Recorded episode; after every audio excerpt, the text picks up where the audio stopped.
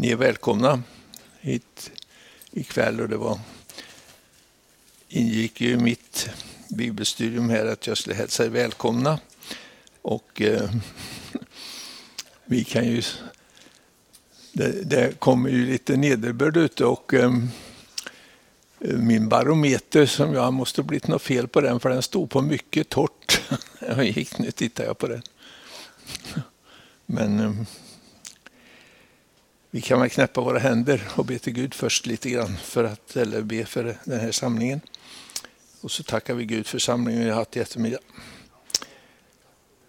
Tack Jesus att vi får komma inför dig. Tack för att vi får ha bibelordet ibland oss och tack för att vi får fritt uttrycka vad vi tycker om och att vi får läsa det tillsammans fritt.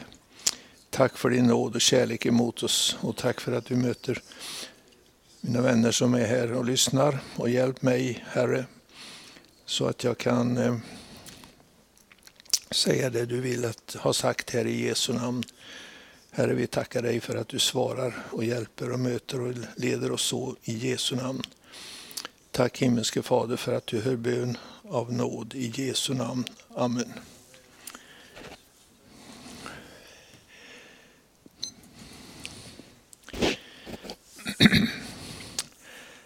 Ja, jag sa till ehm, Patrik här tidigare när vi var samlade, han pratade med mig lite om, och då så sa jag, ja, jag har i alla fall förberett mig.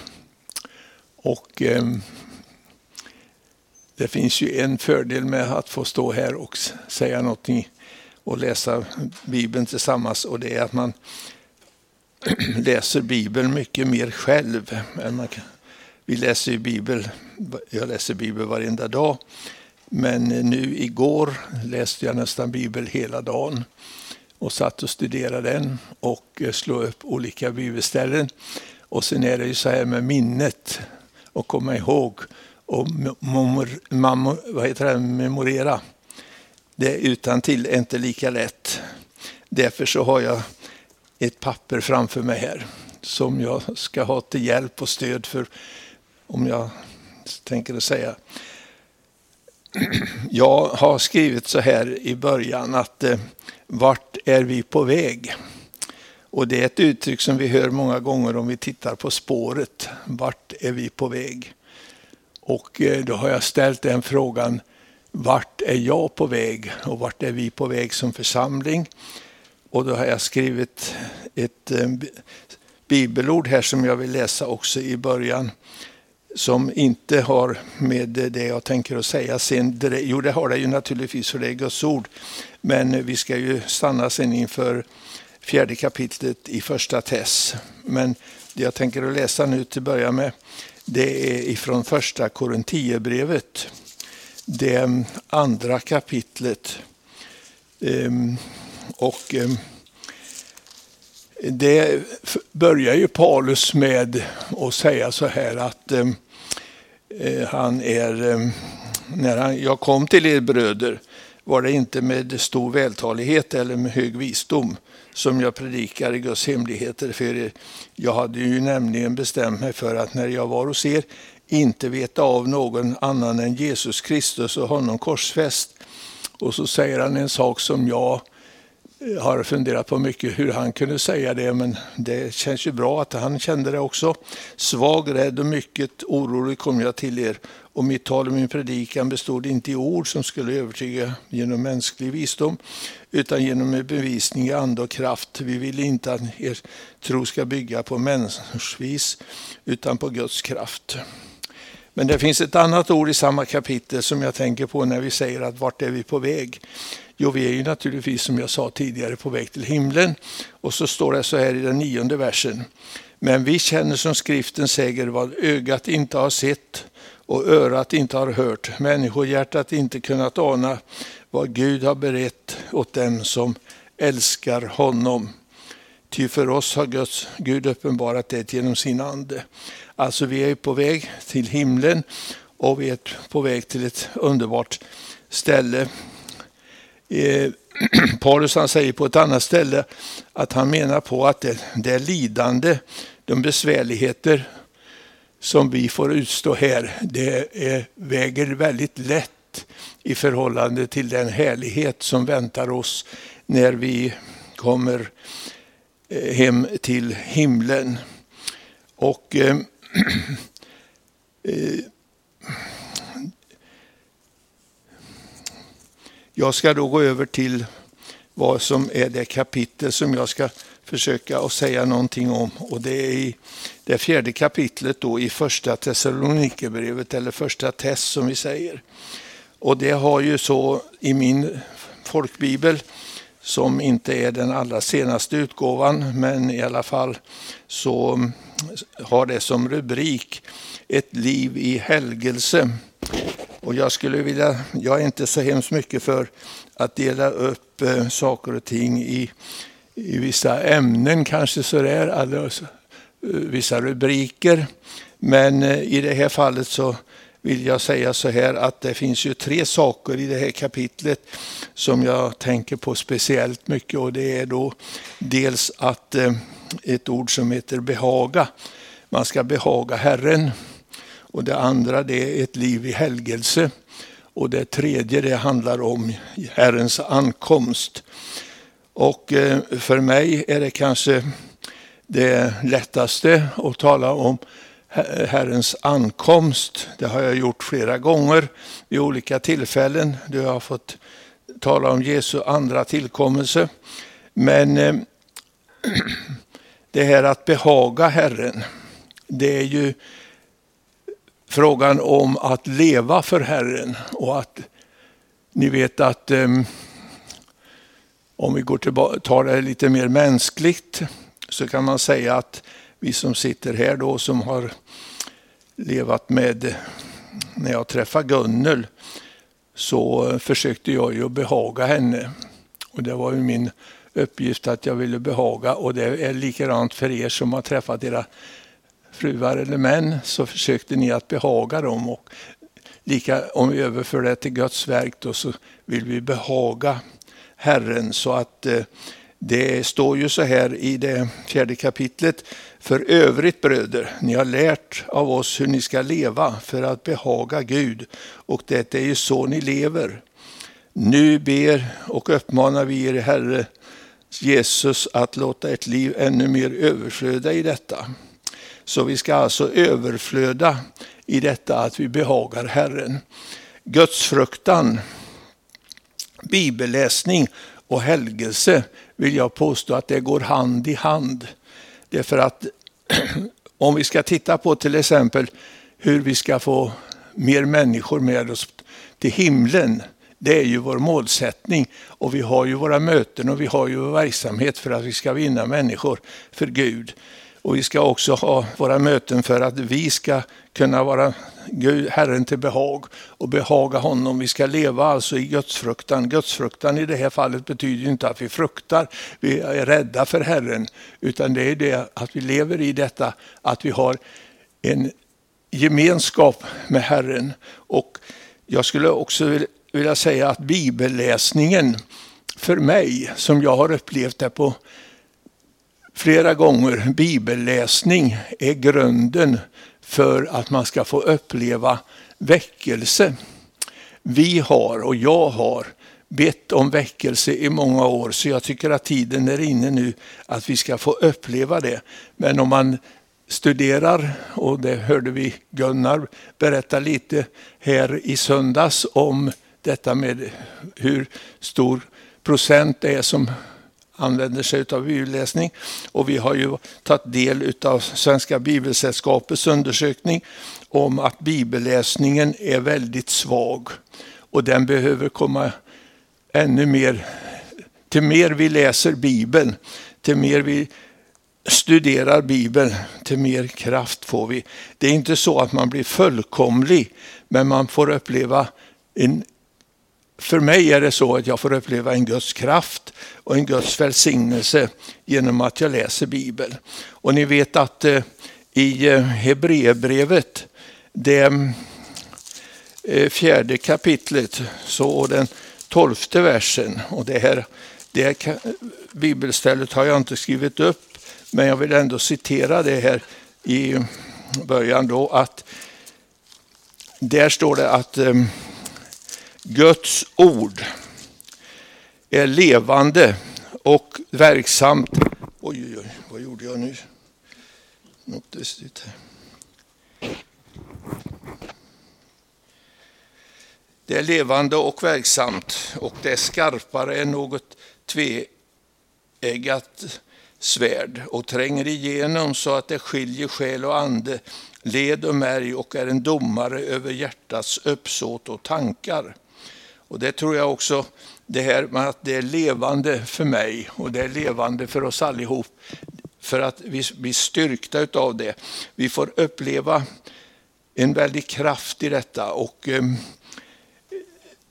det står ju också här i det här ordet att det tränger igenom så att det skiljer själ och ande, led och märg och är en domare över hjärtats uppsåt och tankar. Det tror jag är en av nyckelorden när det gäller att läsa Guds ord. Jag sa här förut att gudsfruktan och bibelläsning och helgelse går hand i hand. Ja, vad är då helgelse för någonting? Ja, det finns ju flera bibelställen på vad helgelse är för någonting. Och det är ju ett ord som finns i Josua. Det eh, tredje kapitlet och i vers 5. Och Josua sade till folket, helga er, för imorgon skall Herren göra under bland er. Alltså helgelse är väldigt viktigt. Och vad är då helgelse? Ja, det är att leva nära Herren, leva nära Jesus, uppleva Jesus i sitt liv och få del av Guds ord. Och vi blir inte så fullkomliga så vi kan följa Jesus eller för, för, så vi blir så helgade. Så att, men vi kan få uppleva ännu mer av helgelse genom att läsa Guds ord. Och jag tror också att det är viktigt. Och det finns flera bibelställen som talar om, att, om helgelse. Och så kan man öva sig i gudsfruktan. Och det kan man läsa om i första, första Tim. Det, det, första Tim, det fjärde kapitlet. Så står det så här i det första tim att, ehm, och i verserna 7 och 9.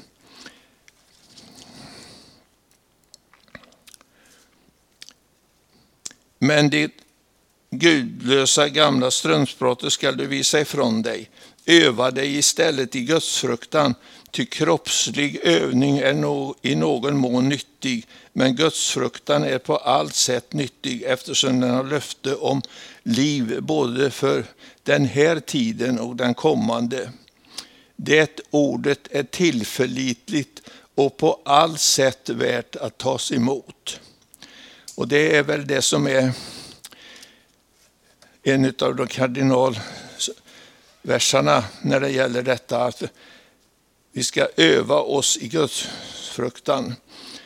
Eh, igår så, jag måste erkänna att jag satt och tittade på Idrottsgalan igår.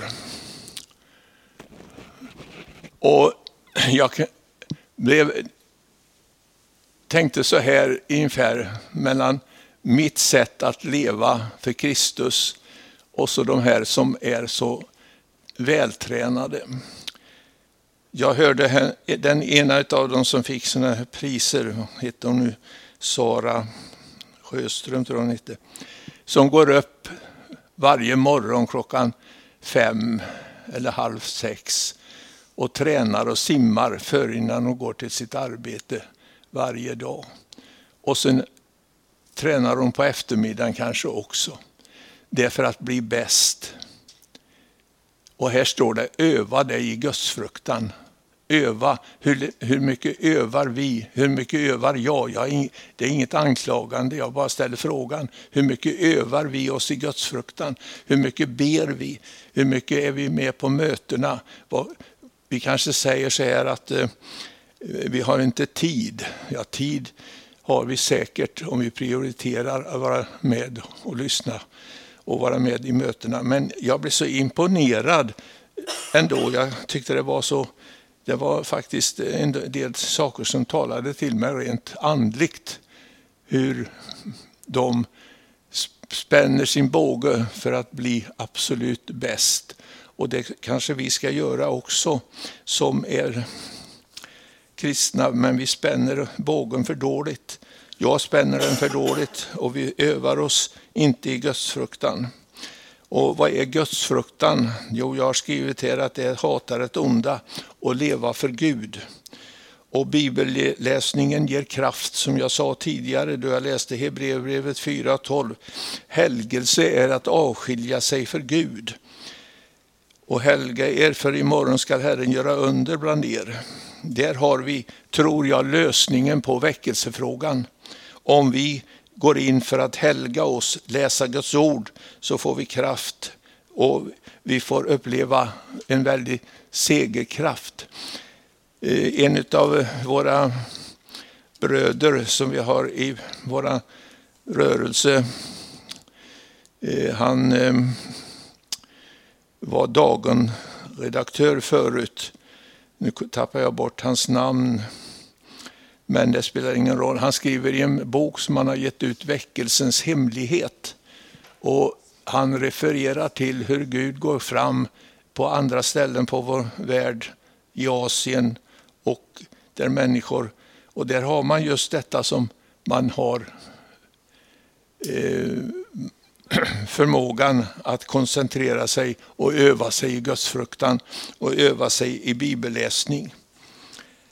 Eh, i Romarbrevet, det tolfte kapitlet och verserna 1 och 2, så vill jag läsa också Romarbrevet, det tolfte kapitlet och ehm, verserna 1 och 2.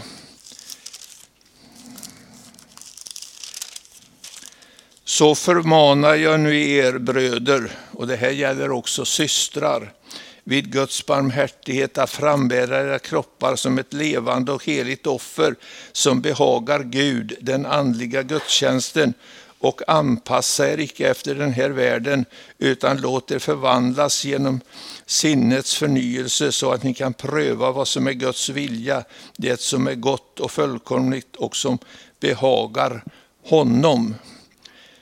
Där kommer vi till ordet behaga. Vi ska behaga Herren, vi ska, vi ska leva i detta. Det står att eh, så förmanar jag er bröder vid Guds barmhärtighet. Vi vet att Gud är barmhärtig och Gud han är en förlåtande Gud och han eh, kan eh, hjälpa och välsigna.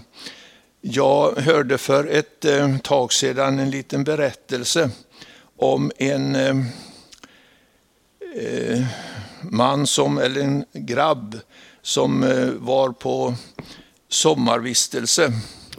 Och eh, han tillhörde de eh, lite värs, värs, värs, eh, vad heter det, värstingar.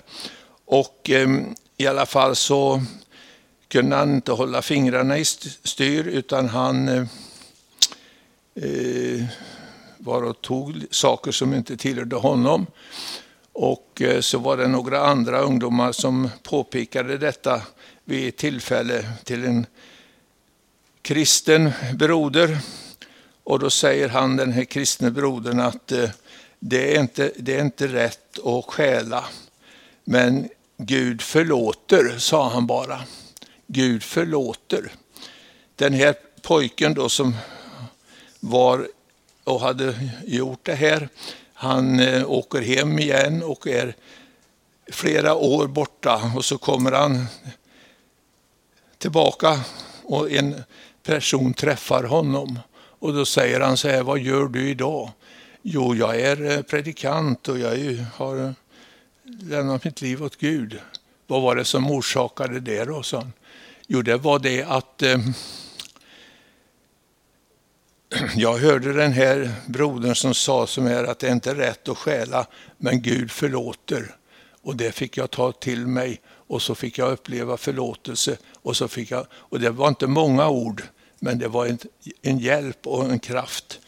Och eh, för mig finns ett bibelord som jag också vill ta med och det är i andra Korinthierbrevet. Och eh, det ska jag ta mig friheten att läsa hela det.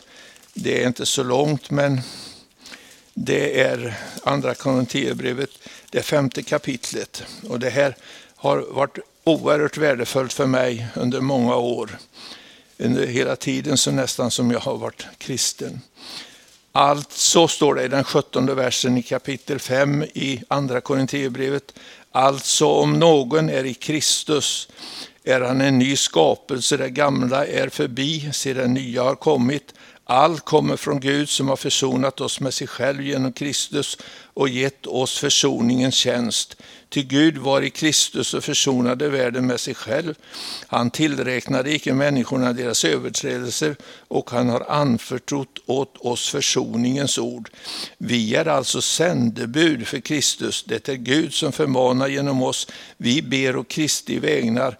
Låt försona er med Gud. Den som inte visste av synd, honom har Gud i vårt ställe gjort till synd för att vi i honom skulle stå rättfärdiga inför Gud. Tänk att det är alltså om någon är i Kristus är han en ny skapelse. Det gamla är förbi. Och eh, i, i, F, i Hebreerbrevet, på tal om, om fortsatt, vi ska fortsätta att tala lite grann till om eh, helgelse så står det i Hebreerbrevet, det tolfte kapitlet. Och i verserna 14 och 15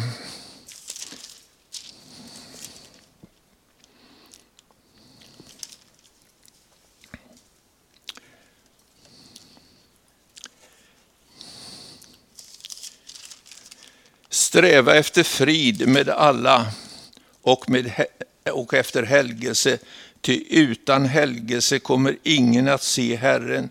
Se till att ingen går miste om Guds nåd och att ingen blir bitter rot, skjuter skott och vållar skada och många smittas.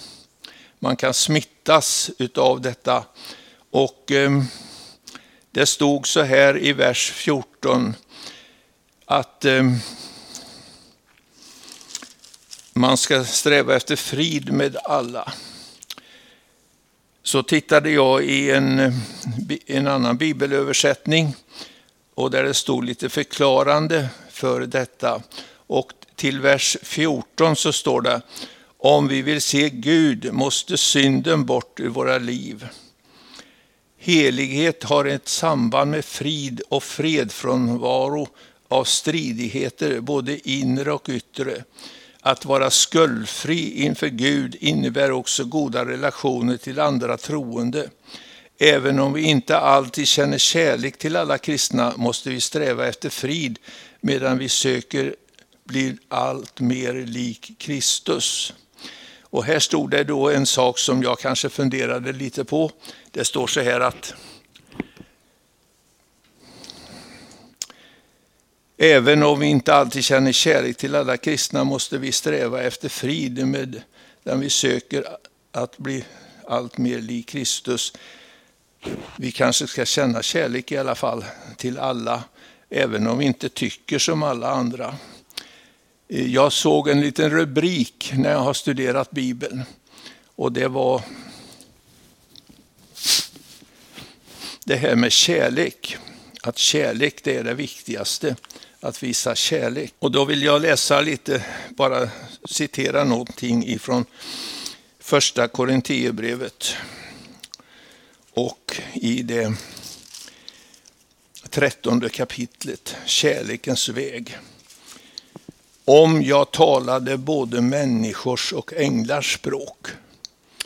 Nu kan ju inte jag tala, och vi kan inte tala änglars språk, men det står att men inte hade kärlek, vore jag endast en ljudande malm och en skrällande symbol. om jag ägde profetians gåva och kände alla hemligheter och hade all kunskap, om jag hade all tro så jag kunde förflytta berg men inte hade kärlek. Ni kan fortsätta att läsa detta kapitlet när ni kommer hem. Jag ska inte läsa mer i det nu, ni vet vad det handlar om. Och det står i den åttonde versen, kärleken upphör aldrig. Men profetiorna ska upphöra och tungomottalandet ska tystna och kunskapen ska förgå. Ty vi förstår till en del och profeterar, profeterar till en del.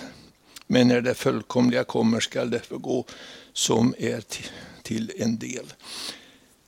Jag kommer igen sen längre fram med detta med profetiskt tilltal. Men eh, det står i Romarbrevet, det sjätte kapitlet och nittonde versen, som vi ska slå upp också, Romarbrevet 6 och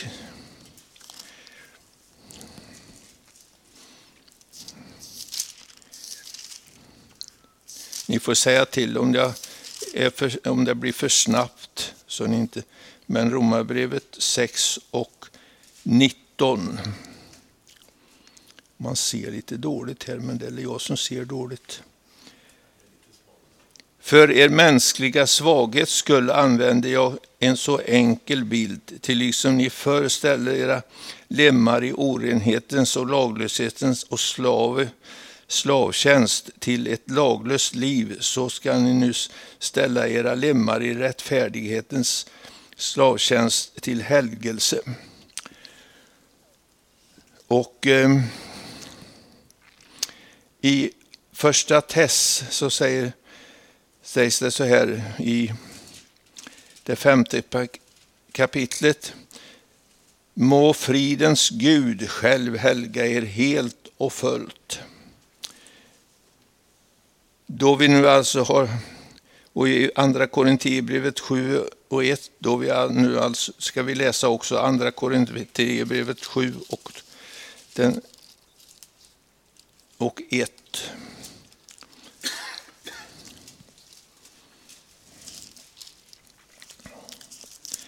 Då vi alltså har dessa löften, mina älskade, så låt oss rena oss från all besmittelse, från kött och ande och i gudsfruktan fullborda vår helgelse.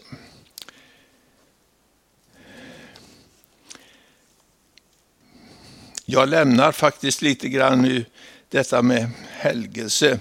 Det finns svåra bitar här i det här kapitlet i, i um, första test 4. Och jag läste ju i början där. Och jag läste till och med, tror jag, den andra versen. Den läste jag inte, men ni vet, står det, vilka föreskrifter vi har gett er från Herren. Detta är Guds vilja, att ni skall helgas så att ni avhåller er från otukt och att var och en av er vet att skaffa sin, skaffa sin hustru på ett helgat och hedervärdigt sätt. Det får inte ske i lidelse och begär liksom bland hedningarna som inte känner Gud, så att någon i dess, denna sak går för långt och förorättar sin broder. Herren straffar allt sådant. Det har vi redan sagt och betygat för er. Gud har icke kallat oss till orenhet utan till ett liv i helgelse. Och det kommer det här ordet helgelse fram. Men eh, när jag läste och såg detta så slog jag upp första Mosebok.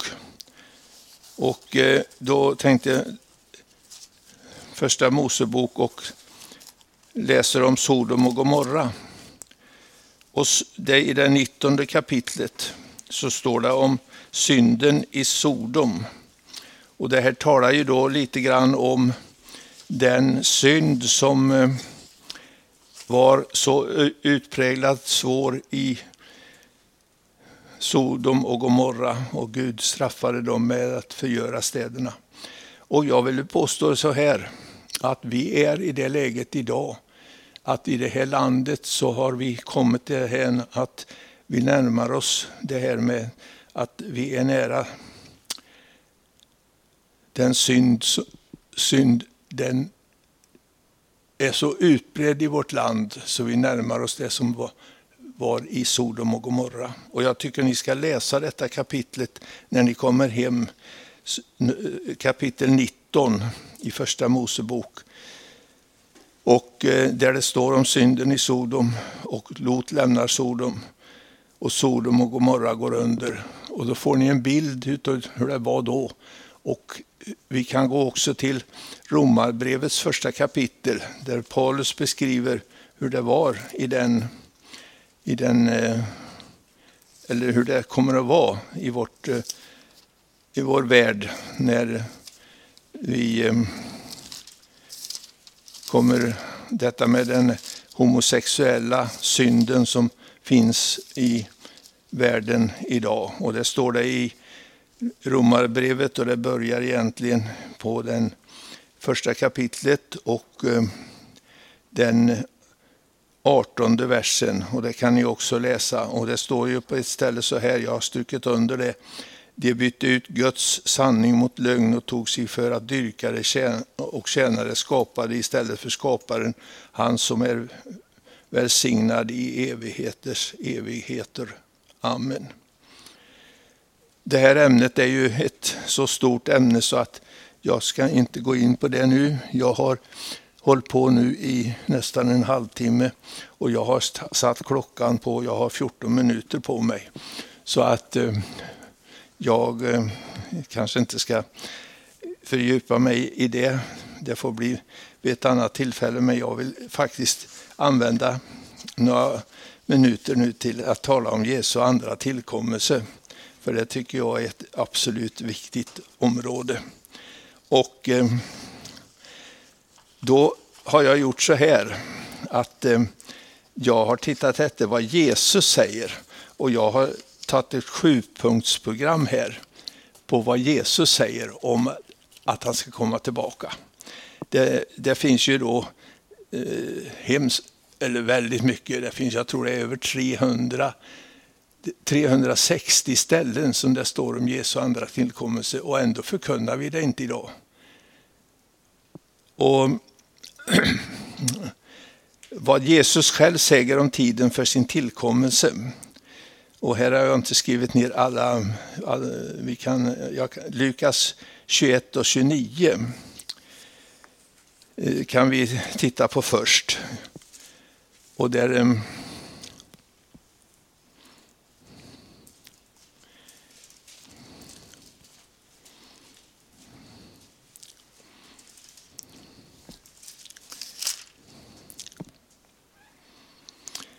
Där står det så här att eh, tekniska...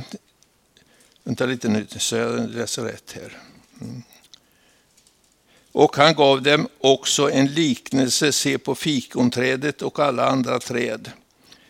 Så skall ni se att det knoppas, förstår ni att av er själva att sommaren redan är nära. När ni ser att detta händer vet ni på samma sätt att Guds rike är nära. Det var Lukas 21 och 29. Och det här med fikonträdet, det är ju en bild på, det är ju en bild på judafolket och Israel. Och eh, när det gäller andra träd, då är det ju en bild på andra nationer. Och eh, i det här fallet så kan man säga att Israel och judafolket är ju en enormt Eh, bevis för att det är sant och rätt det som kommer att hända. Och eh, vi kan tänka oss så här att 1948 då blev Israel till som nation. Och eh, så vet vi det att eh, då, då utropade Ben Gurion Israel med stöd av Guds ord. Inte Nya testamentet, men Gamla testamentet. Och eh, det finns ju pro profetier om att eh, allt detta skulle ske. Och vi kan, ju de, vi kan ju säga så här att de profetier som finns i Guds ord, ifrån första Mosebok till, och första kapitlet till Uppenbarelseboken, det sista kapitlet, så är de profetier som är där, de är absolut sanna. Och de behöver man inte pröva, för de är prövade. Och de behöver man inte pröva. De profetier som frambärs idag i våra möten, om det görs det, de står där vi ska pröva dem om det är rätt. Men de här profetiorna, de är absolut rätt och de behöver inte prövas mer, för de har Gud gett oss. Men vi fortsätter och, och, och läser ifrån Lukas. Och vi läser ifrån det 21 kapitlet och 25 versen. Och där står det, där Jesus säger så här, Tecknen ska visa sig i solen, i månen och i stjärnorna och på jorden. Skall folk gripas av ångest och stå rådlösa vid havets och bränningarnas dån. Människorna ska ge upp andan av förskräckelse i väntan på det som ska komma över världen, ty himmelens krafter ska skakas. Då ska man se Människosonen komma i ett moln med stor makt och härlighet. Och sen har vi Matteus 24, det, det kapitel som talar hela tiden om detta. Och eh, där säger han att som människorna levde de dagarna före floden i 24 och 38. Jag ska inte, ni kan läsa det när ni kommer hem i, i Matteus 24 och 38. Och som de levde före floden och de levde, de levde ett bekymmersamt ett bekymmersamt fritt liv och de ägnade sig åt bara det jordiska. Och i Matteus 24.7, folk ska resa sig mot folk och rike mot rike och det ska bli hungersnöd och jordbävningar på den ena platsen efter den andra. Det är Jesus själv som säger detta. Och vi kan, då kanske ni säger och vi säger så här, ja men jordbävningar har det alltid hänt. Och alltid, men under den sista sexårsperioden har det hänt lika mycket och mer jordbävningar än hela tiden ifrån eh, när Jesus föddes och fram till vår tid. Så det har ökat något enormt alltså. Och därför så är det det som gäller idag, att det är jordbävningar och vi kommer att få se mycket av det. Och i Lukas 17 och 28 på samma sätt var det på Lots tid. Du åt och drack, köpte och sålde, planterade och byggde. Och så mycket kan man säga och det är inte bara jag som säger så utan det säger ju de teologer som att till större välståndet blir i en nation materiellt, till mindre söker man sig till Gud. Och eh, jag kommer ihåg själv hur man på mitten på 60-talet för min egen del, och det, jag refererar till pastorer som har samma sak, säger samma sak, att i mitten på 60-talet då skedde en uppgång och materiell välstånd och då minskade intresset för att söka Gud och vara med i mötena. Och då blev det en viss stagnation på den andliga verksamheten. Så det har oerhört mycket, den materialistiska andan vill på, på många sätt gripa oss. I Matteus 24 och 44 var därför också ni beredda, till en stund då ni inte väntade ska, det kommer Människosonen. Det är Jesu egna ord som säger detta. Och då kan vi säga att vi lever precis innan Jesus kommer. För idag är det ju så att i en stund då ni inte väntar det kommer Människosonen. Jag tror inte att det är levande för oss riktigt att han kan komma vilken stund som helst. Utan han, vi väntar inte honom, man predikar inte om honom att han ska komma. Jag har med mig i min väska där Ove Lindeskärs bok om Jesus och hans tillkommelse. Om har du inte läst den så läs den också, så får du en väldigt fin bild av att vad som kommer att ske och hända. Det finns två uttryck som jag vill säga också. Och det är så här att om jag säger så här att han kommer snart. Jag kan ju inte fastställa tiden, det har jag inte tänkt att göra heller. Och har inget, det kan jag inte göra. Men om jag säger att han kommer snart, vad är snart? Ja, det är detsamma som att då ska vi vara beredda på att om det är någon som ringer till mig och säger att jag kommer, jag ska komma till dig idag. Då vet jag ju inte exakt vilken tid, han säger inte tiden, men jag vet att han ska komma idag, då kommer han snart. Men om man säger så här, jag kommer strax, då vet jag att han kommer vilken minut som helst. Och jag skulle vilja säga att vi lever i den tiden då, då vi kan säga, vi kan byta ordet snart mot strax. Han kommer strax.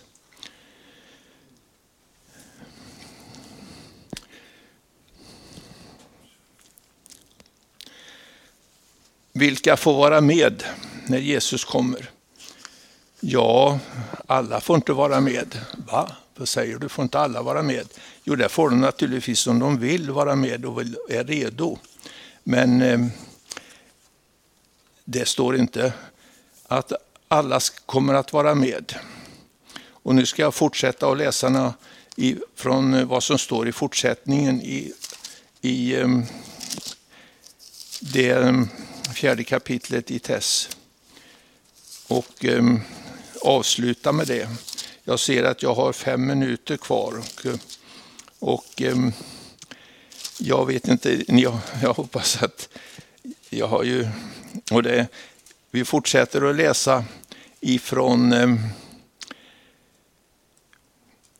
ifrån den fjärde, nionde versen i fjärde kapitlet i första Tess. Vi behöver inte skriva till er om broderskärleken, det måste vara systrakärleken också. Ni har ju fått lära er av Gud att älska varandra. Den kärleken visar ni också alla bröderna i hela Makedonien. Jag hoppas de gjorde det med systrarna också. Men vi uppmanar er bröder att överflöda ännu mer i den och sätta en ära i att hålla er lugna och sköta er ert och arbeta med era händer så som vi har befallt er. Lev på det sättet så väcker ni respekt hos de utomstående och lider inte brist på något.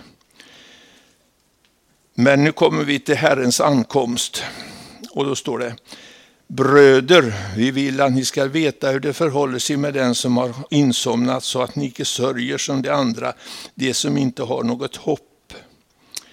Eftersom vi tror att Jesus har dött och uppstått så tror vi också att Gud har fört fram dem som insomnat i Jesus tillsammans med honom. Vi säger detta enligt ett ord från Herren, vi som lever och är kvar till Herrens ankomst skall alls icke komma före de insomnade. Ty när en befallning ljuder, en ärkeängens röst och en Guds basun, då skall Herren själv stiga ner från himlen och först skall de som dött i Kristus Jesus uppstå. Därefter ska vi som lever och är kvar ryckas upp bland molnen tillsammans med dem för att möta Herren i rymden. Och så ska vi alltid vara hos Herren. Trösta därför varandra med dessa ord. Eh, det här med att detta är alltså inte Jesu andra tillkommelse.